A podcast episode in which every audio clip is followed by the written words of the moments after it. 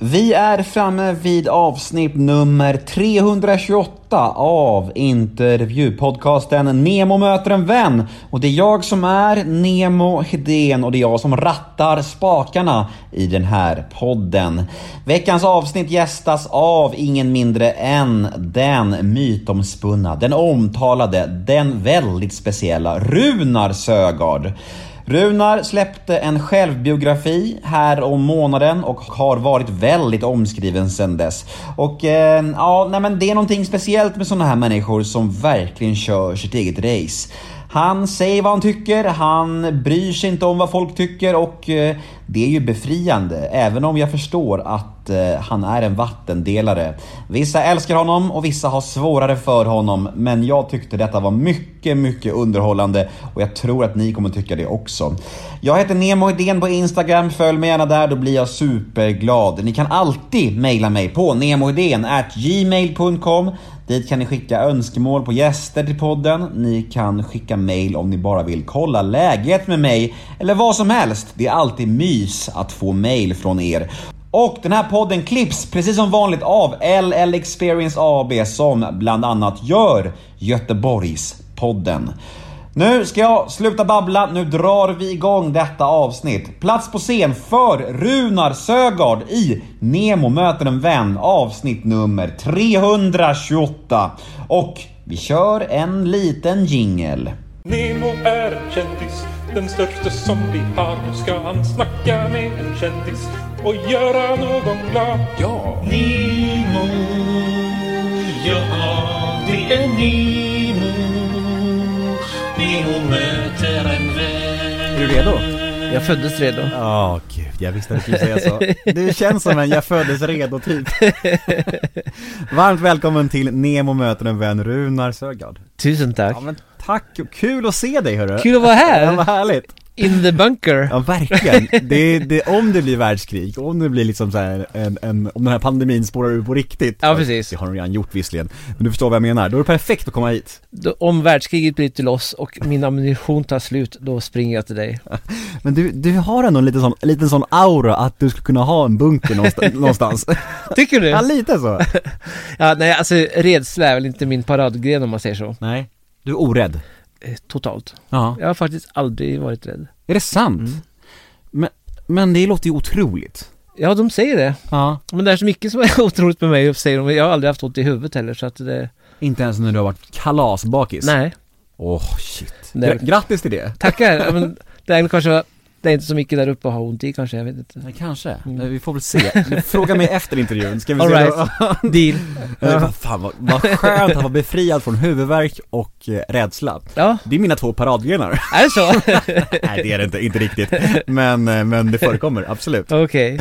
Eh, fan vad jag känner mig direkt ganska glad över att det, det är lite, lite norska kvar i dig. Ja men det, det är ju så, alltså jag pendlar ju mellan Oslo och Stockholm. Mm. Så att eh, min, eh, min svenska har blivit sämre sista året för jag, jag jobbar ju väldigt mycket i Norge och eh, i och med att jag bor där också så blir det så blir det norsk eller det blir sån hybrid. Mm. De säger att jag snackar norsk med svensk tonfall så att Mm. Norska är världens finaste språk. det är ett glatt språk i Ja, alla fall. verkligen. Mm. Jag kommer ihåg när jag jobbade utomlands för många år sedan. Eh, jag jobbade nere i Sydeuropa på en, en nattklubb Mhm. för 12 år sedan. Okej. Och det var mycket norska turister. Mm. Och det var i Bulgarien. Okej, Och grejen var att jag var så himla besatt av norska tjejer då. var det så? Så alltså jag letade bara efter norska tjejer för att, right. för, att jag, för att jag var så kär i hur de pratade. Det var så fint tyckte jag. Ja, alltså det, norska är väldigt ett glatt språk. Ja. Liksom, man går ju upp i slutet på varje sättning Ja. och sen så pratar, alltså norrmän pratar väldigt snabbt. Ja. Och det är en sån sak som jag har fått, fått försöka jobba, jobba med och prata lite långsammare. Mm. Ja, nej det är någonting med norska som är glatt och det är snällt och det är liksom älskvärt tycker jag. Ja, tack. Det, Så för mig får du gärna slänga in lite norska här och var, det är okej.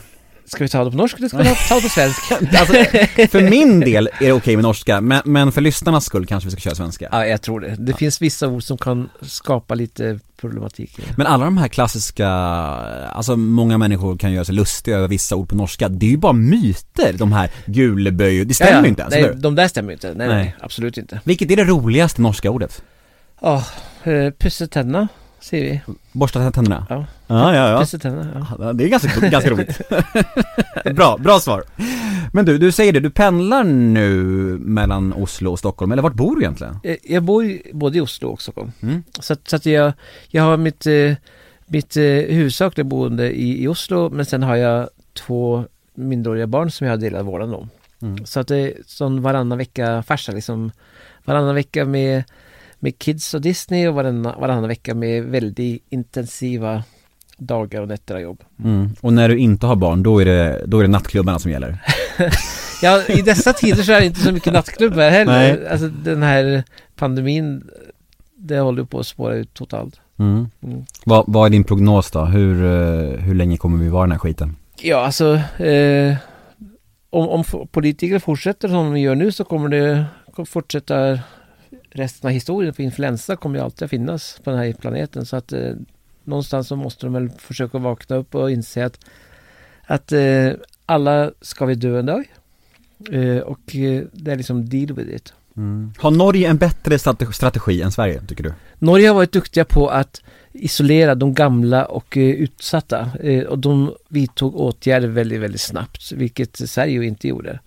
Men, eh, men det, det är klart att, att Norge har ju också så mycket pengar. Eh, de, hade ju, de hade ju liksom 10 000 miljoner på bankbok liksom. Så att det är klart, Norge har ju en ekonomi som tillåter att de kan fortsätta att avlöna sina medborgare liksom ett tag. Men, men även i Norge så börjar det märkas på ekonomin nu. Så att det är klart att det är inte hållbart att hålla på på det här sättet. Liksom, ekonomin och världsekonomin, allting kommer gå käpprakt åt skogen om man ska fortsätta med den här eh, upplägget. Och det tittar jag bara på England nu med lockdown. Men folk får influensa även fast det är lockdown. Mm. Så att, eh, ja, det är, det är svåra och, och eh, känsliga tider. Jag, jag har ju folk som jag känner liksom har, som har dött och det är klart det är, det är hemskt men nu kommer ju siffrorna här i Sverige nu på antal döda 2020 och det ligger ju innanför ramen av normalen på genomsnittet på de sista tio åren så det är ganska fascinerande att man inte förhåller sig mer till liksom fakta och historiken när man, när man agerar utan allting blir ju så hysteriskt och media piskar ju upp det ännu mer liksom. Så Mm. att den stora pandemin nu är väl inte egentligen coronapandemin nu, det är väl att, att alla har blivit så rädda. Så rädsla är väl den stora pandemin nu. Det känns som att det är två läger här lite grann. Ja, det är det nog. Eh, folk som resonerar som du och det, det, min, min mamma är med i ett gäng Okej. och sen så finns det det andra Mamma alltid med någonstans. Mammorna tycker om Runar. Och sen det andra läget som, som ja, media och, och, och, och lite fler, fler därtill om man säger så. ja. Jag är alldeles för dåligt insatt för att ens uttala mig åt något håll känner jag, men jag tycker det är superintressant att höra andra infallsvinklar om det. För att det, för att det blir ganska ensidigt om man bara lyssnar på media, det håller jag med om. Ja. Sen så är jag för dåligt insatt för, att- för att uttala mig om vart jag står, det ska jag ärligt säga. Och jag tycker inte att den här intervjun ska handla om corona, för det, det, gör, det gör allt annat just nu ändå. ja, verkligen. så vi släpper det. Eh, Låter bra. ja, men du, eh, boken släpptes ju för, var det två, tre? Två- Ja, den eh, sista veckan i oktober. Ja, Mm. och eh, den här mediacirkusen som, som det resulterade i, var det medvetet eller kom det som en chock att det skulle skrivas så mycket om den? Eller var det någonting du ändå liksom ville ha? För det, någonstans är det ju också bra PR antar jag. Det var ju absolut inte planerat på något sätt utan, utan eh, det som var planerat det var ju att jag skulle göra intervjuer i och med att eh, eh, intresset kring boken fanns ju där som så alla, alla liksom större tidningar, tv, radio och sådär, de ville ju göra intervjuer. Men sen är det klart att så hade man ju inte helt tagit med i, i kalkylen att man hade, hade ett, ett väldigt bittert ex som ju skapade liksom de stora rubrikerna. Det är sånt som man inte kan styra över men det, det får man försöka hantera och tackla på bästa sätt när det väl kommer. Men det kan ju inte ha kommit som en hel överraskning kanske, eller? Nej, alltså, eh, eller både ja och nej. Eh, jag hade ju inte en, en, eh, ens en, en susning av en misstanke om att det skulle, eh, att hon skulle göra det utspelet för att det är som eh, journalisterna också som, som jag gjorde intervjun med. Det var ju som de sa att eh, du skrev ju väldigt varmt och väldigt eh, gott och väldigt fint om henne. Vilket jag gjorde för det att hon eh, Eh, hon eh, var, jag är gift med henne i tio år och det är klart att man är inte gift i tio år om det inte finns tjänster, om det inte finns någonting. Eh, sen har jag fått en fantastisk son. Som ju är, min, är en av mina tre ögonstenar. Eh, men, men det är klart att man, man slutar aldrig förvånas över vad, vad bitterhet, vad det kan orsaka och skapa både av känslor och utspel. Och det är ju, det är ju trist men man tycker väl kanske någonstans att när det har gått 20 plus år så kanske det kan vara dags att släppa vissa saker. Kommer du vara nervös den dagen hon väljer att skriva så om sitt liv? Nej, Nej. jag har ingenting att vara nervös Du är ju inte rädd, så att, Nej, nej, nej och, och jag vet också liksom att att jag, jag har liksom inga lik i garderoben på det sättet utan jag, eh, de likna jag hade i garderoben de, eh, de slängde jag fram i boken. Är det verkligen sant då? Skrev de allting eller fanns det någonting där du kände det här kan jag inte skriva om? Nej, alltså eh, det fanns absolut saker och ting som jag kände att jag inte kunde skriva. Men då skulle det drabba en alltså då skulle det drabba någon annan än mig. Exakt. Och det vill jag inte. Nej. För jag ville inte eh, ha en, ha en bok liksom där det blev så här att där jag hängde ut saker och ting. För det är klart jag har varit med om saker och ting. Jag har sett saker och ting. Jag har bevittnat och, och det har hänt saker och ting omkring mig som, som jag, alltså jag kunde ha haft eller skapat löpsedlar i alla fall ett par månader. Eh, absolut, men det finns ingen anledning att hänga ut någon annan och därför så, så tog jag händer och vände, vände pekfingret mot mig själv och försökte och eh, tugga i mig eh, och vara utlämnande om mina misstag, mina bakslag, mina misslyckanden och det som jag har gjort fel och det som jag har ångrat och eh, har fått jobba på själv för att, att göra mig av med felaktiga beteenden och liksom också attityder som inte alltid har varit bra och som inte alltid har varit. Men den här hänsynen som du ändå pratar om just nu, att du faktiskt tänkte på andra människor när du skrev boken. Varför visar du inte samma hänsyn till ditt ex? För att eh, för mig så, så var det viktigt en gång för alla att, att berätta hur det var och som jag också skriver om i boken att Carola och jag, vi var ju på något sätt galjonsfigurer också för hela den skandinaviska kyrkligheten eller de kristna. Och det var ju väldigt, det var ju en eh, monumental besvikelse när vi skilde oss. Och eh, jag tyckte att det var viktigt gentemot hela den eh, skara människor, det är ju några hundratusen det, Eh, så var det viktigt att, att berätta varför. Eh, samtidigt som det också har florerat rykten i alla år som även då, då tyvärr hon då liksom har eldat under, liksom att jag skulle vara den här playboyen och att jag skulle vara den här som, som, som knullade runt och som höll låda, vilket absolut inte har varit sant. Så att jag kände att jag ville sätta skåpet på plats, jag ville liksom ta bort alla spekulationer och som jag också skriver i boken, visst, eh, jag lämnade efter den tredje otrohetshistorien men förhoppningsvis så är hon en annan person idag. Jag är en annan person än vad jag var för 20 år sedan. Så att eh, jag tycker inte att det faller någon skugga på henne 2020 eller 2021 som vi är i nu då. Att berätta historiska händelser som förklarar också beslut som blev väldigt, eller som fick väldigt långtgående konsekvenser för väldigt många. Mm. Var det några i, i, i din närhet som fick läsa igenom boken innan du släppte den? Din son kanske eller någon? Ja, alltså m- mina allra närmaste har ju, har ju fått se den Mm. eh, och, och läsa den absolut. Och, och hon fick ju också eh, möjligheten att läsa den. Jag skick, både, både jag och förlaget skickade ju eh, de här kapitlen till Carola? Ja, exakt. Ah, okej. mm. Men hon ville inte läsa det. Nej. Och det Ja, men då hade, kan, hade, då hade, kan, hon, hade hon gjort det så hade hon säkerligen inte skrivit och gjort det hon hade gjort. Nej. Ja, men jag tycker ändå att om man får möjlighet att läsa den, då ska man nog inte kanske reagera så. Alltså då, det har varit en sak om det bara liksom, om det kom som en blixt från klar himmel, men nu visste hon ju om att det var en bok på G och fick chansen att läsa den först. Men vad hade, om du hade, om hon hade hört av sig då, om hon hade läst igenom den först och haft synpunkter med så här, men det där vill inte jag att du ska skriva om, det där är alldeles för privat. Hade du brytt dig då?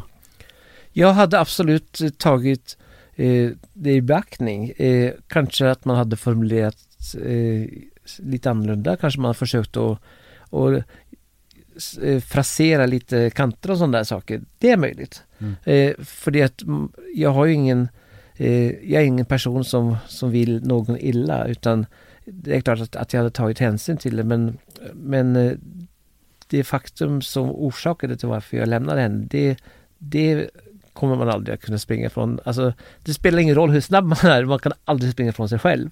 Och man kan heller inte gömma sig bakom sin egen skugga, det går inte. Nej. Är det någonting som du ångrar att du skrev om? Eller är det någonting som du ångrar att du inte skrev om? Ja, det, det, det är klart att det är saker och ting som man har kommit på i efterhand att ja, men det där skulle man ju haft det där skulle eh, folk tyckt var, var roligt och sådana här saker. Så att eh, efter, efterklok är alltid lätt att vara. Eh, men jag är väldigt glad och jag är väldigt stolt av den boken som jag, som jag har, har skrivit och jag har skrivit den själv också. Jag har inte Mm. haft någon spökskrivare. Utan, utan jag, jag känner att jag kan titta på den boken och känna mig glad och stolt och väldigt tacksam för det äventyr som jag faktiskt har levt så här långt. Nu är det ju första halvlek över så nu är det andra halvlek som gäller.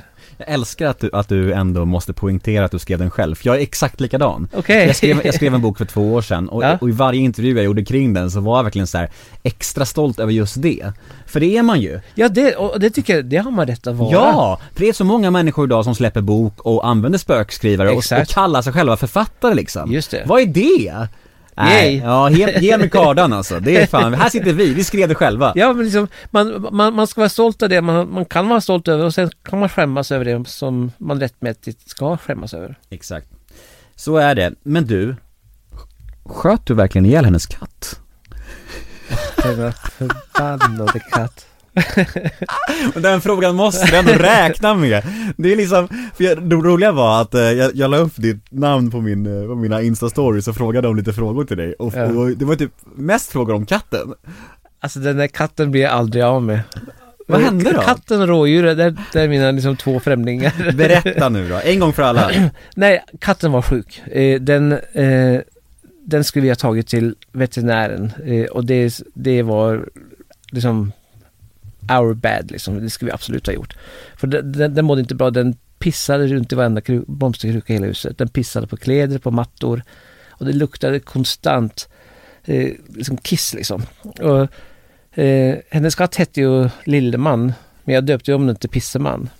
För att det luktade verkligen as hela tiden och eh, när en katt eh, pinkar och kissar överallt hela tiden så är det, om man googlar det så, så ser man liksom att den, katten mår inte bra, den är troligtvis liksom sjuk. Eh, och eh, då, då så, så kände jag bara, nej men den här katten behöver avlivas liksom. Och sen då Idag så avlivar man ju katter men liksom de som har gård eller de som, som har djur omkring sig, de som har jägare eller vad det nu är för någonting, de tar ju hand om sina djur själv. Och jag hade ju gevär. Så det var ju bara, det var lätt att bara ta ut den och ladda och skjuta. Det blev ingen, ingen, inget lidande. Det var bara liksom, det tog slut. Mitt misstag dock, det var att jag skulle självfallet ha pratat med Carola om det. Ja. Det, det, det var väldigt dumt men det var ungdomlig spontanitet och det var ungdomlig, eh, ja, det var inte bra det var det inte, men, men det var en avlivning och det var inte att jag liksom satt och vid frukostbordet och tänkte nu, vad kan jag skjuta idag? Det var inte den grejen utan det var ju faktiskt, jag avlivade en katt som inte mådde bra. Hur reagerade hon? Nej men hon blev ledsen såklart. Det förstår jag ju, det, det hade jag också blivit. Mm. Och, och, och det är det som jag skriver i boken också att jag, jag det var fel av mig att skjuta den eller avliva den utan att förankra det hos henne, absolut. Men, men hon blev ledsen och men jag köpte en ny henne. Mm. Jag tror att ganska många människor kan ha erfarenheter av att man har skadat djur på något sätt Men de flesta som har det, det är ju när man är barn. Du, du gjorde det i vuxen ålder Ja, alltså jag var ju, jag var ju typ 20 år liksom. Så att eh, man var ung och man var dum. Ja. Ja, okej. ja vi- köper det, det, det, det är okej Men du, en sak som är lite kul, alltså inför den här intervjun så snackade jag med din eh, agent eh, Mm. och, och hon sa så här, ja men vi kan göra podden om vi gör den snart, för sen, senare i år ska Runar börja skriva tre böcker Mm. Vadå, tre böcker parallellt eller vadå? ja, jag håller på med tre böcker. Men, men, men, Jag håller på med min, med min egen bok. ja, Eh, Och den, eh, det, är, det är en bok till players, pojkvänner och ensamstående pappor. Mhm, till mig alltså. Ja, och om du går i den kategorin så... Mm, ensamstående pappa, ja. Ja. Mm. Eh, och eh, vi, får se, vi får se var det landar någonstans men arbetsnamnet på boken är i alla fall att håll käften och lyssna på din kvinna. Mm. Mm. Det är fint. Ja, det är en bra början. Ja. Och eh, två böcker till. Sen är det två böcker till. Det är två stycken bi- biografier till två väldigt kända eh, svenska personer och eh, den ena också är även internationellt väldigt känd och extremt kontroversiell. Mhm. Mm. Kan du säga några namn? Tyvärr inte än. Nej. Det, det får komma senare men det är i alla fall Det är i alla fall en eh, En otroligt spännande bok att jobba med. För han har väl ett av de mest spektakulära liven som jag någonsin har Har läst om och förstått in, eller räckvidden utav. Ja. Nemo möter en vän. Nemo möter en vän görs denna vecka i samarbete med Billock Bygg och Måleri. Och det här mina vänner, det känns verkligen som början på en lång och härlig kärleksrelation. Jag kom i kontakt med Robin Billock, ägaren till detta fantastiska företag och han berättade för mig att han verkligen gillar det jag gör och det jag står för. Och när jag fick höra om hans verksamhet och hans affärsidé så kunde jag bara säga att kärleken och respekten, ja den kändes väldigt ömsesidig. Billock Bygg och Måleri är nämligen ett företag med öppet sinne som alltid ger alla människor en andra chans. Ett företag med hjärtat på rätt ställe helt enkelt. Kontor har de i både Uppsala och Stockholm och de sysslar med allt kring bygg och måleri. Både för företag och privatpersoner. Så behöver du bygg eller målerihjälp eller söker du bara jobb kanske? Gå in på rbillock.se och läs mer. Tack Billock Bygg och Måleri. Eh, du, nu ska vi leka en liten lek som jag har döpt till associationsleken. Alright, Är du med? I'm up for it. Vi kör. Första är din tro. Otroligt viktig och eh, det mest grundläggande i mitt liv, i min familj. Eh, och eh, det är väl det som, som eh, är den största källan och motivationen för allt jag gör och allt jag håller på med. Barndom. Lycklig. Massa bus. Hela tiden upptåg. Jag kallades för Emil av allt och alla. Det var väldigt mycket krossade fönster. Det var liksom mycket eh, roliga upptåg och hiss. Och jag, jag berättar om det i boken också. Så att eh, jag hade en väldigt lycklig bar- barndom. Väldigt harmonisk och eh, det, det är någonting som jag både känner och kan bara prata om med väldigt mycket värme och stor tacksamhet. Alkohol. Gott. Jag är eh, inte absolutist men jag är nykterist kan jag väl säga. Eh, jag tycker om väldigt goda viner. Eh, tycker att det är en viktig del av både vardagen och, och framförallt fest såklart. Tycker om bubbel. Har dock bara varit full två gånger i mitt liv. Mhm. På riktigt alltså? Ja. Men, eh, Al- Alltså liksom man har ju varit salongberusad Ja. givetvis men, men alltså riktigt full har jag aldrig varit Ja. mer än två och då var du inte bakfull någonting alls? Nej. Nej. Otroligt. Eller bakfull, man, man var ju inte där direkt sugen på att gå ut och springa en mil om man säger så men, Nej. men jag hade ingen huvudvärk där. Du var sugen på att skjuta en katt? Nej, inte det heller. inte det heller, nej. Rovdjur kanske. ja, kanske, kanske, ja. Eh, dejtande? Ja, alltså dejtande tycker jag är ganska, eh, är ganska härligt. Eh, jag är en väldigt nyfiken person. Eh, jag är otroligt restriktiv med vilka jag dejtar och jag har nog lite för höga krav på tjejer och flickor i största allmänhet så att det blir inte så mycket dejtande för att jag, jag är väldigt picky och är nog i en sån här kategori som de flesta andra kanske tycker att ja, men så där kan man inte vara, eller så där kan man inte tänka. Men, men jag, jag känner att jag har eh, jag har liksom eh, kommit till en plats i livet där jag förutom att ha tre fantastiska söner så har jag också ett liv som jag älskar och som jag njuter varje dag utav. Och om det ska komma in en kvinna i mitt liv så måste hon dels måste hon kunna hantera eh, inte bara mig utan allt som är runt omkring mig, vilket inte alls är lätt. Eh, och sen så måste det också vara en kvinna som kan sporra mig både intellektuellt, eh, som måste eh, matcha mig liksom intressemässigt och sådana här saker. Det måste vara en person som är trevlig att se på, för jag är, liksom, jag är en väldigt passionerad person.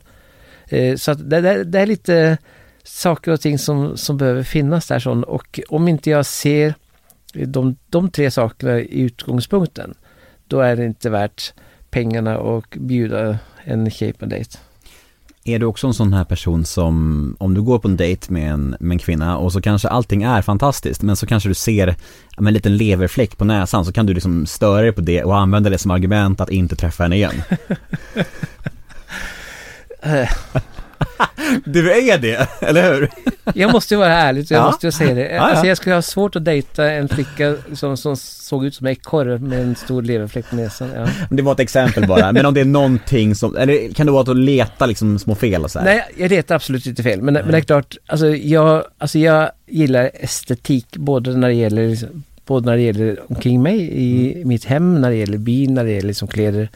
Men självfallet också att det måste vara en, ett utseende som, som jag går igång på, som jag attraheras utav och som jag tycker är liksom wow. Mm. Och jag kan ändå relatera till just det där, alltså den hopplösheten man kan känna inför att det är så många bitar som måste klaffa. Mm. Det är så jävla sjukt. Man tänker så här, ja men Alltså vi ska ha eh, våra intressen, våra värderingar, vår humor, våra barn, våra scheman, vårt jobb, allt ska mm. liksom synka. Ja. Och när man tänker på det så, mm. då är det bara så här Ja, det kommer ju aldrig lösa sig. Det är lite så. Ja, alltså, om, alltså eh, skaran, den minimaliseras verkligen, ganska snabbt. Verkligen.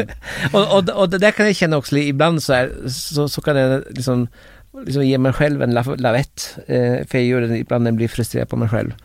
Att liksom, Runar skärp dig.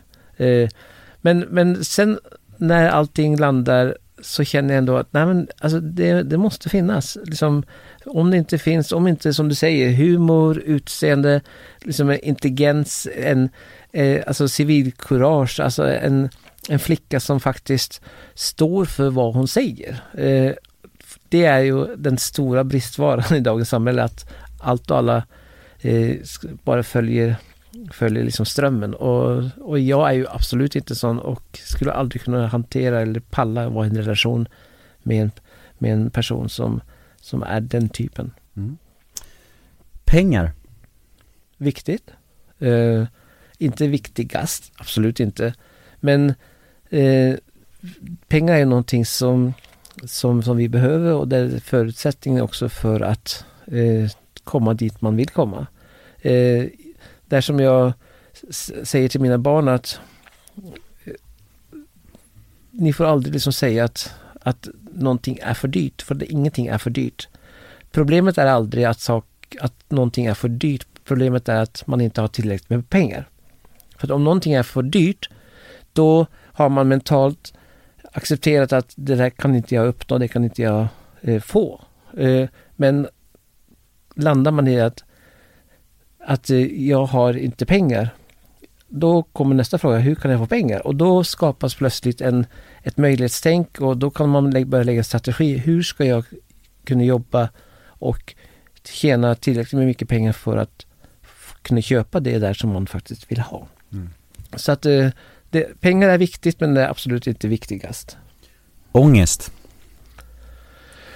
Eh, ångest har jag aldrig känt på. Eh, liksom, eh, jag kan känna på eh, ångest i den bemärkelse att när, när man har gjort någonting dumt eller sagt någonting dumt, då kan man få så här eh, stundens eh, en, en stundens eh, korta ångest då man bara känner, nej men vad, vad gör jag, vad, vad säger jag? Men det är aldrig någonting som varar särskilt lång tid, är det inte. Nej. Så du är befriad från ångest och från räd rädslor? Ja, alltså... Din jävel! nej, nej, men alltså det där som jag, jag säger att eh, det krävs ganska mycket och ganska hårt arbete för att bli deprimerad. eh, ingen vaknar upp en morgon och plötsligt är man deprimerad utan då har man gått en lång, lång väg och tänkt väldigt mycket fel i väldigt många avseenden. Eh, så att, eh, så att eh, ångest på det sättet har jag inte. Däremot så har jag människor omkring mig som har varit djupt inne i depression och ångest. Så jag, jag, jag ser ju vad det orsakar i människors liv och, och eh, liksom en, en person som, som, som, betyder extremt mycket för mig, liksom, som har, har varit i en sån situation och har ångest. Så jag ser ju liksom att personligheten förändras, tankesättet, perspektivet, allting brakar. Alltså, hela taket faller ju över en liksom. Och man tappar ju allt, både förnuft och sans och vett i Mm. det. Och det är, det är tragiskt och det är väldigt ont att betrakta. För att man kan inte göra någonting själv åt andra människors ångest och deras svarta hål. Mm, tunga grejer. Verkligen. Nästa ord är offentligheten. Offentligheten. Den har jag väldigt, eh, väldigt, eh, vad ska man säga? Eh, det är tudelat. Eh, verkligen tudelat. Å ena sidan så hade jag önskat att jag inte hade den. Eh, för att jag är inte särskilt förtjust i den. Jag tycker om att gå under radarn. Jag tycker om att kunna göra vad jag vill, säga vad jag vill utan att det ska hamna på en löpsedel eller på en första sida. Eh, sen är det klart i vissa avseenden och i vissa tillfällen så, så har det sina fördelar när man exempelvis släpper en bok. eller när man ska göra någonting annat. Men, men offentligheten är eh, oftast så är det en börda. Men, eh, men när man vill nå ut och när man har ett budskap som man vill dela med sig utav, då är det klart att då är det någonting bra och då är det någonting positivt. Så att jag, jag tar absolut inte på någon offerkofta för att eh, eh, det, det är liksom en, en ting som, som har blivit en del av mitt liv. Jag trodde i min enfald att när jag skilde mig eh, från Carola så skulle det försvinna. Det var ju min stora förhoppning. Och, eh, sen att det blev flera resor värre, det hade jag inte räknat med alls. Så att, men eh, det är någonting jag har lärt mig att hantera. Och det är någonting som jag inser att mina erfarenheter också kan gynna eh, mina, min omgivning och mina barn och även ibland också mina kunder och klienter som jag jobbar med liksom när det gäller mediehantering och sådana saker. Men, men eh, det, det, är, det, är en, eh, det är ett ord som, som eh, väcker känslor på grund av att man har känt av både de fina och roliga och härliga stunderna med det men också fått väldigt, väldigt mycket sorg och eh, många smällar som har gjort väldigt ont. Mm. Droger? Har jag aldrig testat? Ingenting. Aldrig. Man kan ju ändå tänka sig att du borde ha dragit ett streck under dina glansdagar på, på Spybar. Ja, alltså jag har ju blivit eh, erbjuden, absolut. Ja. Eh, Men alltså droger, eh, jag försökte att röka en cigarett som min kusin försökte få mig att testa men det blev ett bloss och sen så blev jag grön i ansiktet och sen var det ingenting mer med det. Men det var inte ens weed. nej, det var bara det, var, det var vanlig eh, som Marabou eller någon annan skit. Marlboro, Marlboro, Marabou, Choklad, Marabou. chokladcigaretter kanske? Marlboro. Nej, just men, men eh, nej, så droger har jag aldrig testat. Carola, vad väcker det för känslor i dig, hennes namn? Eh, det väcker såklart massa känslor. Det första jag tänker på det är tacksamhet för den son som hon har gett mig. Det är det absolut första jag tänker på. Eh, det andra jag tänker på det är att hon är Sveriges deciderat bästa artist och sångerska. Det är de två sakerna. Mm. Hur, eh, hur träffades ni egentligen? Och vem raggade upp vem? Vi träffades i Tyskland, i Frankfurt. Det var en stor konferens och eh, jag bjöd henne på, på middag. Eh, och sen så, så blev det en väldigt lång middag, väldigt trevlig middag och eh, det var ingen kärlek för första ögonkast men sen så hade vi kontakt. Jag hade precis flyttat till Uppsala, hon bodde i Stockholm. Sen så bestämde vi en dejt eh, när, när vi kom hem eh, ifrån en USA-resa. Nej, förlåt. Eh, nej, alltså vi ställde, ställde en dejt och sen så åkte vi till USA för jag skulle vara best man på en, en kompis bröllop i Victoria Island eh, i Kanada och hon skulle till och hälsa på några vänner som jag också kände i Seattle. Så vi flög tillsammans över till USA.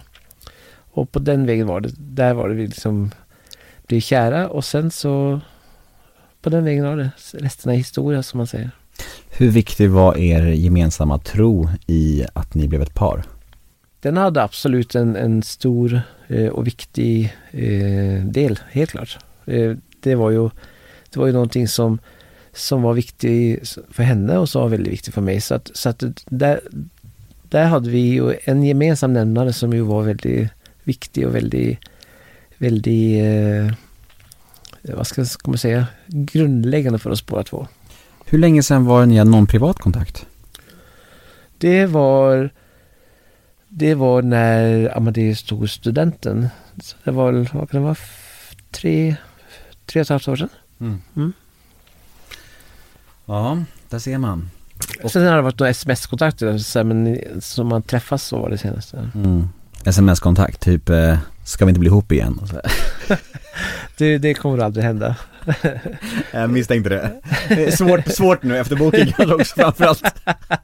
Sista tillstymmelse av, Ja, precis. av hopp dog. ja, Nej då. jag förstår. Mm, bra, Eh, nästa ord är också ett namn och det är just Amadeus. Ja. Oj. Eh, där finns det egentligen inga ord som ger rättvisa till de tjänster som jag har. Han är min förstfödde. Han, han eh, är den sonen som jag ju spenderade, eh, vad ska man säga, tio år nästan tillsammans med som ensamstående pappa.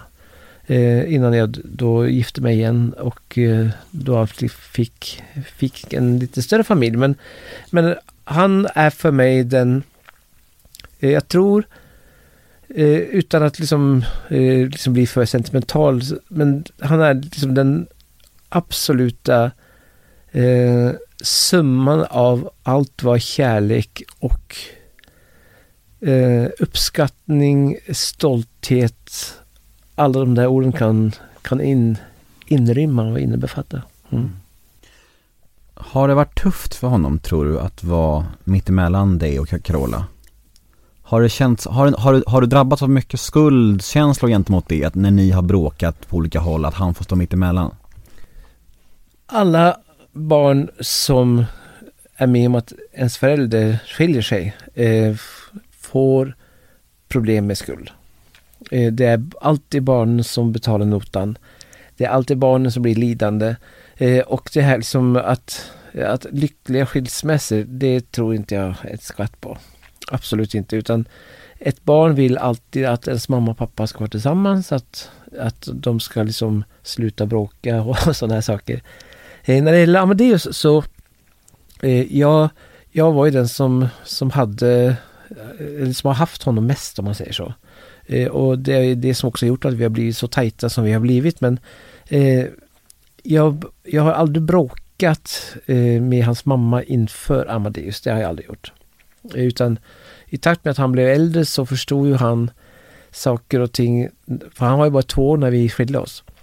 Så att det är klart att eh, han har en känslomässig mamma som, som ju då kanske inte alltid har varit den som har varit eh, bäst och starkast när det gäller liksom att hålla tyst och inte säga saker och ting som man inte bör säga. Utan det är klart han fick ju höra en massa saker och ting och jag var ju alltid så att eh, när du blir större så ska du få reda på saker och ting. Men jag hade en gyllene regel för min egen del och det var att aldrig prata negativt om hans mamma när Amadeus var i rummet. Så det var jag otroligt noggrann med. Har han läst din bok? Han har läst boken. Vad tycker han om den? Nej, men han, eh, vi, vi pratade faktiskt om det senast här nu i helgen. Eh, för att han, han hade inte inte läst den klar än, För han, han har ju varit så upptagen själv med sina både serie, eh, serieuppstart här som i- med fotbollen och att han själv har släppt en låt här nu i förra veckan. Så att, så att eh, han har inte hunnit klart men, men, men eh, eh, första, första kapitlet eh, när han fick det så, så, eh, så skrattade han gott och kände igen sin pappa även idag. Jag är ju fortfarande en person som tycker om att skoja, tycker om att höra lite bus och lite upptåg och lite... För att det man har förstått av din och Carolas eh, konflikt angående boken är ju att ni har väldigt olika uppfattningar om vad som hände. Nej, alltså eh, det håller nog inte jag med om för att alltså, hon har ju inte gått, alltså hon har inte, hon har inte pratat om, om vad som har hänt. Vad är hon arg på då? Dagens bästa fråga. Ja, tack. Eh, jag vet inte.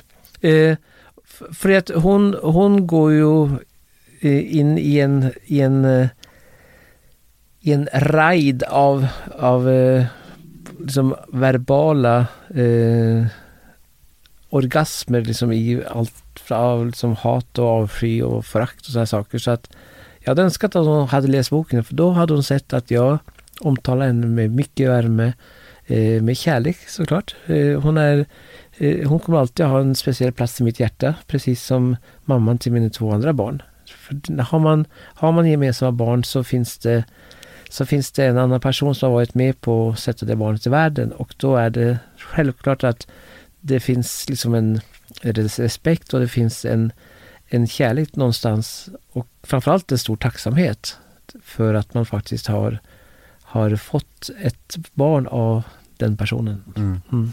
Jag läste någonstans om att hon hade varit ganska upprörd över att eh, Amadeus tog ditt efternamn. Ja, ja, alltså hon, hon försökte ju ändra det i domstol. Men det, det ville ju inte Amadeus. Va? Ja. Bestämmer inte han det själv? Jo, men eh, det tyckte inte hon. När var det här? Vad kan det vara? Det det är en tio år sedan någonting. Ja. Nio, nio tio år sedan. Mm, Mm. där ser man. Så kan det vara. Eh, ska vi gå vidare? Gärna. Nästa ord är jag misstänker, av det jag har hört hittills, att du inte har någon relation till nästa ord. Men vi provar ändå. Terapi. Terapi är någonting som jag faktiskt har en relation till. Mm. Eh, efter att jag efter att eh, jag eh, separerade första gången så, så gick jag i terapi hos en fantastisk kvinna som hette Susanne. Och jag hade du frågat mig för tre år sedan så hade jag inte haft någon relation till det. Men, men jag kände att okej Runar, nu, nu har du eh, nu har du skilt dig för andra gången. Eh, du kanske ska börja leta lite efter saker och ting i dig och hos dig som du behöver ta itu med och förändra på. Och det gjorde jag och eh, gick hos henne. Jag är ju en person som själv lever av att liksom coacha andra människor och jag har ju jag har ju passerat 17 000 timmar nu av individuella one-on-one sessions med personer så att jag är ganska bra att prata men, men jag har upptäckt och märkt att när jag själv satt på andra sidan bordet eh, så, så hade jag hamnat hos en kvinna och det var faktiskt eh, min, min bästa vän Alban som eh, rekommenderade henne. Eh, så att jag satt hos henne och eh, redan efter första sessionen så var jag så djupt imponerad för att jag är ganska bra att snacka för mig. Jag kan snacka, snacka runt det mesta och om det mesta. Eh, men eh, för första gången i mitt liv så träffade jag en kvinna, eh, Susanne då, som jag inte kunde dribbla bort verbalt. Utan hon var sylvass, hon såg igenom mig, hon, hon eh, pekade på saker och ting som gjorde ont och som var smärtsamt. Eh, och då fick jag valet antingen att sluta gå där eller att ta itu med det. Och jag tog itu med det och det är jag väldigt, väldigt glad för. Mm. Jimmy Åkesson. Jimmy Åkesson, eh, där finns det ju mycket man kan säga. Det, den korta versionen är att det är en person som jag har väldigt stor respekt för. Eh, jag beundrar honom för att han fortfarande efter alla dessa år, eh, efter år, står kvar eh, som partiledare som, som fortfarande har en vision och han, han kämpar på någonting som han tror för. Eller tror på och det som är någonting som väldigt få människor förstår det är att när man har blivit en sån nationell spottkopp och fått så mycket skit och blivit så uthängd och så demoniserad som man har blivit det är inte lätt och framförallt så är det inte roligt.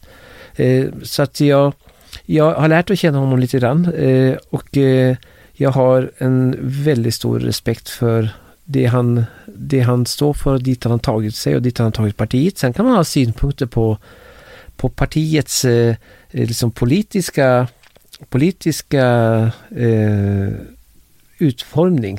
Det, det är helt, helt okej men, men han som person måste jag säga är en, en väldigt reflekterad, väldigt kunnig och eh, framförallt en person som har empati, vilket man ibland kan sakna hos en del politiker. Du skrev ju i din bok att du skulle skriva hans memoarer, men Jimmy Åkesson själv dementerade det här sen. Vad hände där? Var det missförstånd eller? Ja, alltså det var det var den här typiska massmediala ord, alltså leken med ord. Eh, jag, jag var otydlig, alltså jag skrev eh, självbiografi, jag skulle ha skrivit en biografi. Alltså, eh, så att eh, jag och han, vi, vi eh, pratade om att jag skulle skriva en biografi och det sa han ja till. Eh, hans självbiografi som hans press, presskille eh, Mikael sa, vilket är helt korrekt, att han vill skriva sin egen självbiografi. Men, men eh, jag frågade honom kring en biografi eh, och det, det sa han ja till och det eh, har vi har vi liksom haft flera, flera både samtal och eh, han har också sagt ja till också medverka i den, i, i skrivandet av den boken. Så den boken är en av de böcker som jag håller på att skriva på. Okej. Nästa ord är också ett namn. Tilde de Paula. Okej. Oj, en strålande, fantastisk, eh, härlig tjej på alla sätt och vis. Mm. Är det allt? Nej men alltså, eh, ja. Nej, men, Du, alltså, fri- det, du, du friade till henne va? ja det gjorde jag. Vad hände där då? Hon sa ja. Ja, Mm. sen Och- då? Sen då? Ja, och sen så så eh, vet jag inte. Nej, men man, alltså eh, jag friade till henne när jag var 30, 39 där, så innan den sommaren jag fyllde 40 och sen så var vi uppe och firade i, eh, tills massa, tillsammans med massa vänner i dagarna tre. Eh, och det var ju väldigt få som visste att vi var förlovade. Det var, det var liksom typ Robert och Maria Wells, det var det var eh, hon eh, Sofie, eh, eller hon Aldén, vad heter hon? Sonja Aldén. Sonja Aldén. Mm. Hon, hon kom, eh, hon kom eh, i helikopter tillsammans med Robban och Maria och sjöng våran favoritsång där som på kvällen och sådär. Så, och sen min familj och sådär och några av hennes närmsta vän- väninnor. Men vi höll det väldigt, väldigt eh, privat på grund av att hon, hon gick väl igenom ganska stökiga, eh, stökiga saker med sina ex. Hon hade ju då två stycken ex som hon hade, hade tre barn med. Och, och speciellt det ena, ena exet här som var väl lite, eller ganska, ganska så stökigt just, just där och då så att säga. Så att när, när bilderna från, från min födelsedagsfest där när jag, eh, när de här paparazzi-fotograferna har legat i, på andra sidan sjön med sina teleskopobjektiv och fotat när jag liksom kysser henne på kinden och håller om henne. Det blev väl för mycket för, för ett utav exen i alla fall. Så, så att det, det vi var inte förlovade, förlovade många månader men, eh, men eh, det är en fantastiskt härlig tjej och, och när, när jag träffar henne, jag, jag sprang på henne på TV4-huset och så här, så det är inga bad feelings från min sida, absolut inte. Det är en otroligt fin tjej. Är det några bad feelings från hennes sida då? Jag tror inte det. Nej? Nej. Skönt. Dr. Alban. Oh, Dr. Alban. En, eh, eh, alltså min, min bästa vän. Eh, vi är otroligt lika, eh, men vi är också väldigt, väldigt olika. Eh, vi, kan, eh, vi kan bråka och, och liksom skälla och gapa och skrika på varandra, men det tar aldrig bort den kärleken och den, eh, den respekten som jag har för honom. Så att, eh, så att eh, han är en person som är kanske en av de mest underskattade svenska artisterna i Sverige. Eh, Det är ju bara, det är bara Roxette, ABBA eh, och eh, Ace of Base som har sålt fler skivor än vad Alban har gjort. Mm. Och det har inte han fått den cred han, som jag tycker han förtjänar.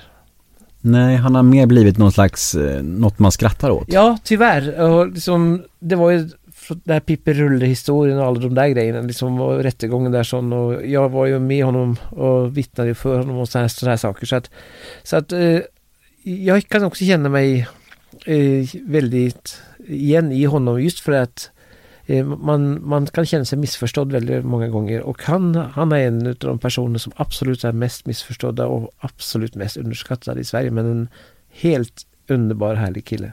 Mm. Donald Trump. Eh, oj, eh, svårt att säga med få ord. En, en eh, person som har rört om i den amerikanska grytan, som har avslöjat allt från korruption liksom till deep state och alltihopa, men och har fantastiska, eh, sunda och vettiga eh, idéer kring politik och hur ett land ska styras, men som har en personlighet och ett utseende som är emot sig. Eh, och som väcker massa onödiga känslor och han är också själv en bidragande orsak till väldigt mycket liksom det, det, det föraktet som finns emot honom också. Men, men eh, Head over to Hulu this March, where our new shows and movies will keep you streaming all month long. Catch the award winning movie Poor Things, starring Emma Stone, Mark Ruffalo, and Willem Dafoe. Check out the new documentary, Freaknik The Wildest Party Never Told, about the iconic Atlanta Street Party. And don't miss FX's Shogun, a reimagining of the epic tale, starring Anna Sawai. So, what are you waiting for? Go stream something new on Hulu. Men eh, när allt dammet har lagt sig så, så tror jag att eh, historien kommer att hålla honom som en av landets genom historien förmodligen tre bästa presidenter någonsin och vi har inte hört det sista från honom. Det är inte överent, tror jag va. Så vi, han kommer tillbaka. Vi får väl se. Jag är ganska övertygad om det. Jessica Karlsson. Mamman till mina två yngsta barn. Eh, en jättehärlig tjej som, eh, som jag hade eh, nästan tio års relation med. Eh, och eh, givetvis en, eh, en tjej som, eh, som är en stor del av mitt liv. Eh, som, eh, som är mamma till två fantastiska killar. Sen sen en person som jag också skilde mig ifrån för att det visade sig efter några år att vi var extremt olika och hon hade väldigt, väldigt svårt med offentligheten kring mig. Och det var, det var olyckligt. Varje kvinnligt namn som jag säger så säger du nästan bara positiva saker. Eh, stämmer det verkligen att, att, att, du, att, du, att du minns alla dessa kvinnor på ett så positivt sätt? Eller är det någon slags försköning för att du inte vill ha någon slags mediatjafs och bråk och så här? Eh, det är precis så som jag säger. Eh, sen är det klart att, att, att eh, eh, när det gäller eh, Carola exempelvis så, så har jag valt att inte kommentera hennes mediala utspel för jag tycker inte att jag tycker inte att det är värdigt. Jag tycker att när man har ett barn tillsammans så är det ens förbannad skyldighet som förälder att eh, ta hänsyn till, till ens barn. Det spelar ingen roll om barnet är fem år eller 20 år. Det är fortfarande ens barn och det har känslor oavsett om det är fullt utvecklade känslor i, i 20 års ålder eller om det är en känslig ålder i 5-10. Det är, för mig så är det en självklarhet att aldrig utanför eh, husets fyra väggar hålla på med någon sorts eh, pajkastning. Det, det är ovärdigt och det är ingenting som jag vill ägna mig åt. Och därför så har jag inte bemött de påhoppen som, eh, som Carola har, har gjort och eh, att hon har gått i strupen på mig det, det får stå för henne. Mm. Agneta Sjödin. Ja, eh, duktig programledare. Mm. Eh, charmig tjej eh, som, eh, som jag var tillsammans med en, en kort tid. Men eh, vi var allt för olika. Mm. Mm. Känslan är ju att det finns typ 15 till kända kvinnor här att prata om egentligen. alltså att det finns mycket kända kvinnor i Runars galleri liksom. Nej, det gör det faktiskt inte. Inte? Nej. Eh, alltså jag, jag har ju framställt eh, periodvis som en, någon sorts playboy, liksom både i, i norsk media och i svensk media. Men jag är inte det. Jag har aldrig varit det. Jag har inte velat vara det. Jag har inte vågat bli det. Eh, för att eh, jag, är, jag är en person som helst är i en relation. Eh, och eh, jag gifte mig två gånger för att jag trodde att det skulle vara för resten av livet. Eh, det gjorde det tyvärr inte, men, eh, men eh, jag har ingen sån, sån där harang av kända kvinnor som, som jag varit tillsammans med. Det har jag inte. Okej? If you say so. Jag känner mig verkligen glad över att Nemo möter en vän även denna vecka görs i samarbete med Bookbeat. Denna otroliga ljud och e-bokstjänst. Ja, jag säger otroliga eftersom att det finns över 200 000 ljud och e-böcker hos Bookbeat. Det är ju helt galet när man tänker efter. Veckans tips från mig är faktiskt veckans gäst här i podden, nämligen Runar Sörgard och hans självbiografi som vi pratar om i dagens avsnitt. Den är, ehm, ja det är en berg och dalbana, det är ett otroligt tempo och den är väldigt, väldigt underhållande. Jag sträcklyssnade faktiskt på den här boken när jag vandrade längst Södermalm häromdagen och eh, ja, jag vill rekommendera den här för alla för det var verkligen en upplevelse. Bookbeat kostar från 99 kronor i månaden men självklart har jag en liten härlig överraskning till er mina älskade lyssnare. Om ni använder koden NEMO så får ni prova Bookbeat en månad helt gratis. Ja, vilken grej va? Och när vi ändå pratar om härliga förmåner så vill jag slå ett slag för Bookbeats familjekonto där hela fem familjemedlemmar kan dela på ett och samma konto och då betalar man endast 49 kronor i månaden för varje extra profil. Riktigt, riktigt bra grejer. Vi ses på Bookbeat hörni och glöm nu för bövelen inte koden NEMO om ni vill ha en månads helt fri lyssning. Och eh, detta erbjudande gäller endast för nya användare. Tack Bookbeat! Eh, nu ska vi köra något som jag kallar för snabbfrågor. Ja. Paradrätt. Oj. Eh, rådjursfilé. Vad missbrukar du? Eh, socker. Vilken egenskap hos dig själv föraktar du mest? Min otålighet. Ångesttrigger. Ingenting. Vad har du orimligt gott självförtroende inom? Alltså vad går du runt och tror att du är bra på men du kanske inte är så bra på det egentligen? Nej men jag, jag, jag eh, försöker och eh, ha ett så nyktert eh, självbild som möjligt. Sen att jag har, har, har självförtroende så räcker för en hel stadsdel, det, det är en annan sak. Men, men eh, jag, jag tror inte att jag har någon sån eh, felaktig eh, över, övertro på mig själv, det tror jag inte. Vad det gäller stadsdel, sa du det? Ja. Vad betyder det? Nej men alltså att, att jag har självförtroende så räcker för en hel stadsdel. Alltså, jag, Jaha, mitt, ja, ja, mitt jag förstår. självförtroende är Ja, ja, jag förstår. Jag hyggligt förstår. stort. Ja. Ja, det har varit lite krasch där med norskan och svenskan där. Fast det har funkat bra ändå. ja, det tycker jag. Jag har förstått allting, så det, din svenska är ju Bra där. flawless. När grät du senast? Oj, eh, när jag grät senast det var... Eh, nej men det var nog förra veckan. Mm, vad hände då? Nej men jag kände mig stolt över min son. Vad tycker du om hans eh, nya singel? Älskar den. Mm? Bra. Eh, är du partisk? Absolut. Ja, det är klart du är. men, men, men jag har rätt så hygglig musiksmak och, och sans för liksom bra musik. Mm. Så att, så att jag... Även fast jag är part i målet, det kommer jag inte ifrån, men jag tycker att det är en ruggigt bra låt och jag är extremt eh, stolt över att han både har skrivit text och melodi, att han sjunger och att han har gjort mycket utav proddet på den. Så att, så att det, nej, Exhibition är en fantastiskt bra låt. Vad är egentligen hans starkaste sida? Är det fotbollen eller är det musiken? Alltså han är, han är så här oförskämt begåvad. Eh, han är så här irriterande begåvad ibland. Nej men alltså han, han, är, han är grym fotbollsspelare och han- kommer att kunna gå hur långt som helst där. Som det, det har jag alltid trott och det tror hans, hans fotbollsagenter oss också. Och, eh, han kommer att gå, han, han kommer att ha världsklass både på på fotbollsplanen och han kommer att ha världsklass inom musiken. Det, det har jag sagt att det ägna dig aldrig åt saker och ting som du inte kan leverera världsklass på. Han kommer alltså bli Kevin Walker fast ännu bättre.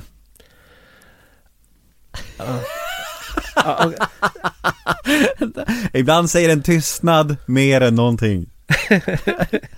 Vet du vem Kevin Walker är? det är klart det gör. Ja. Ja. ja. Jag, Han kommer bli en Kevin Walker på internationell nivå. Så kanske. det är även närmare verkligheten, ja. Då kör vi på det istället. Eh, vad lägger du mest pengar på? Oj. Eh, Nej men det är nog, eh, det är nog mat, mat och, och dryck. Vad oroar du dig för mest? Jag oroar mig aldrig. Klart du inte gör. Nej. Nej. Vad tror du andra människor tänker på när de tänker på dig? Och då menar jag både som offentlig person och dina privata kompisar. Eh, nej men jag, eh, jag tror att eh, väldigt många tyck, tycker väldigt olika när de tänker på mig. Eh, men framförallt så, så tänker man ju på mig utifrån den massmediala bilden. Eh, sen de som känner mig, eh, när de tänker på mig så, så tänker de att eh, det där är en, eh, en härlig och en rolig person som är skön att hänga med. Han, han är eh, påläst, han är kunnig och han vet vad han håller på med. Mm. Vad kommer du aldrig förstå dig på att andra människor tycker om? Eh, alltså det är klart, det, det är massa jag inte fattar men, men eh, jag försöker alltid att eh, jag försöker att läsa på och, och lära mig saker hela tiden. Min nyfikenhet gör liksom att, att jag vill ju jag vill ju liksom ha, ha i alla fall baskunskap och en grundkunskap kring det som händer omkring mig. Mm. Sen är det klart att, att eh, mi- mina två småsöner, när när de eh, drar igång sina Pokémon-race så känner man sig som en eh, total neandertalare. Jag vet vad du inte förstår dig på. Du förstår dig inte på rädslan för corona. Nej, det fattar jag inte. Där har du ditt svar. Ja. Mm. Tack. Varså- Varsågod. Tack, tack. Avslutningsvis så ska vi damma av fyra stycken lyssnarmail. Första mejlet lyder så här. När TV4 Malou intervjuade hans son Amadeus framkom det att Runar i syfte att peppa sin son erbjöd honom 100 kronor för att tackla ut en motspelare och 200 kronor om motspelaren börjar grina. Även om det här var med glimten i ögat så medgav Amadeus att, att han fått, pengarna av Runar. Det här är ju helt sjukt. Vad tycker du om det? är det hon som säger det eller du som säger att det är sjukt? Eh, Det, det står i Ja, det. ko- kommentaren Okej, här. ja. Ja. från, Nej, men, men det är klart, vill man bli han var jobb, han jobbar, han jobbig eller? Det känns så? om Frågan? Nej, absolut Nej, inte. nej, nej. Men jag tror inte folk riktigt förstår. För det att ska man bli en medelmåtta så, så, så spelar man som alla andra. Ska, ska, man bli, ska man nå världstoppen så måste man ha en attityd och en, en inställning eh, där det handlar om att aldrig någonsin tillåta rädsla eller tillåta att man backar. Så att, så att, eh, att, tack, alltså att tackla, menar, ishockey exempelvis, menar, där har man till och med så här i NHL så har man sådana här poliser vars enda uppgift är att åka och skada folk. Det är inte det vi pratar om här utan, utan det att, det att han skulle tackla liksom eh, tackla folk, det var ju inte det att han skulle skada dem, men man skulle tackla dem. Men om tacklingen var ren och schysst och resultatet blev att de fick så ont att de inte kunde fortsätta spela, ja men då, då blev det en hundring och sen om de grät så blev det 200 spänn, så han har tjänat några tusen ja. Ja, det piggar ändå upp lite grann, måste jag ändå säga. Eh, nästa lyssnarmail lyder så här. Kan du känna dig ledsen över att situationen blivit som den har blivit med Carola? Tror du någonsin att ni kommer försonas? Vill du det ens? Jag känner, Eh, det är inte att jag känner mig ledsen, men jag känner en sorg över det. Absolut. Och eh, så, som, som eh, där jag är idag och där jag har varit i 10 plus år så har det varit det att jag tycker det skulle varit väldigt trevligt att kunna gått ut och äta en lunch med henne och Amadeus tillsammans. Jag har inga problem, jag har försökt och jag har, jag har velat för att man har ju en en fantastisk son tillsammans och eh, att ha en normal, vettig, mogen, vuxen relation. För mig så är det det mest självklara i världen. Men eh, det är klart, jag känner mig ledsen över att det inte har varit möjligt att ha det på grund av att hon inte har velat. Det, det är klart. Tror du att det finns i framtiden? jag har ju alltid eh, trott på och eh, talat och förespråkat att allt är möjligt. Så att det är klart att allting är möjligt. Till och med det. Nästa lyssnarmail lyder så här. För några månader sedan så gick Runar ut med sitt deltagande i 16 Weeks of Hell. Skulle ju bli en daglig rapport. Vad hände där? Ja, det som hände där så, det var att eh, jag, jag började och eh, det gick väldigt, väldigt bra. Eh, jag, parallellt med att jag började så eh, höll vi på med min bok. Eh, som skulle ut både på norska och på svenska. Och jag underskattade lite eh, arbetsmängden som det, det innebar. Så att jag hann inte med så många eh, upp, eh, uppdateringar som jag hade velat. Och sen, sen i oktober så föll jag ner från en stege tre meter höjt och landade på, på eh, bröstet och ryggen och tog tre revben och skadade min överarm och axel så att jag kunde inte fullföra det. Men, men jag var i kontakt med 16 Weeks of Hell-gänget och, eh, och jag drar igång igen här nu eh, under våren. Mm. Och då ska jag också vara bättre på att, att eh, rapportera och eh, uppdatera de som följer mig. Det låter bra. Ja, då är vi framme vid vägs ände, vid poddens sista fråga och det är ett lyssnarmail och det lyder så här.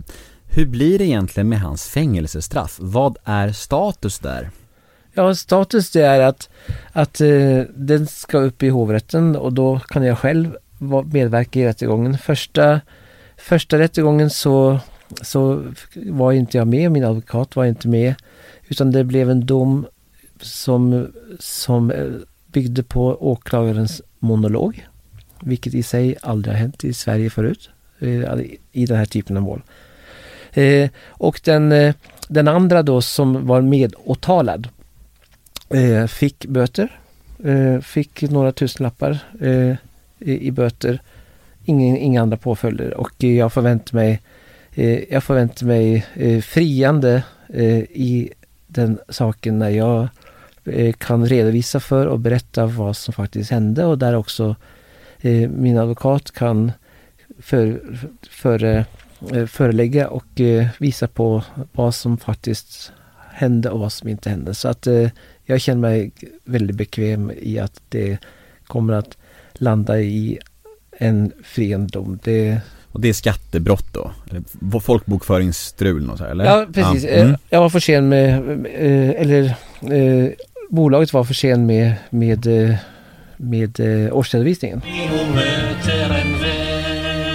Du, vi är i mål. Vet du vad? Det här var en väldigt trevlig eftermiddag. Tycker du det? Det var angenämt att träffa dig och eh, jag har hört väldigt mycket om dig och eh, väldigt, väldigt trevligt. Ja men detsamma, Mm. verkligen. Det var supertrevligt. Ehm, och eh, det gör mig glad att du känner så. Ja, absolut. Uh, ja, vad ska vi säga då? Vi, vi kan väl säga, köp Runars bok. Den får ni gärna köpa. Den finns som ljudbok och, och den kan beställas också på eh, runarsogar.com. Mm. Mm. Puss och kram på er så hörs vi. Hej då! Puss och kram, hej hej!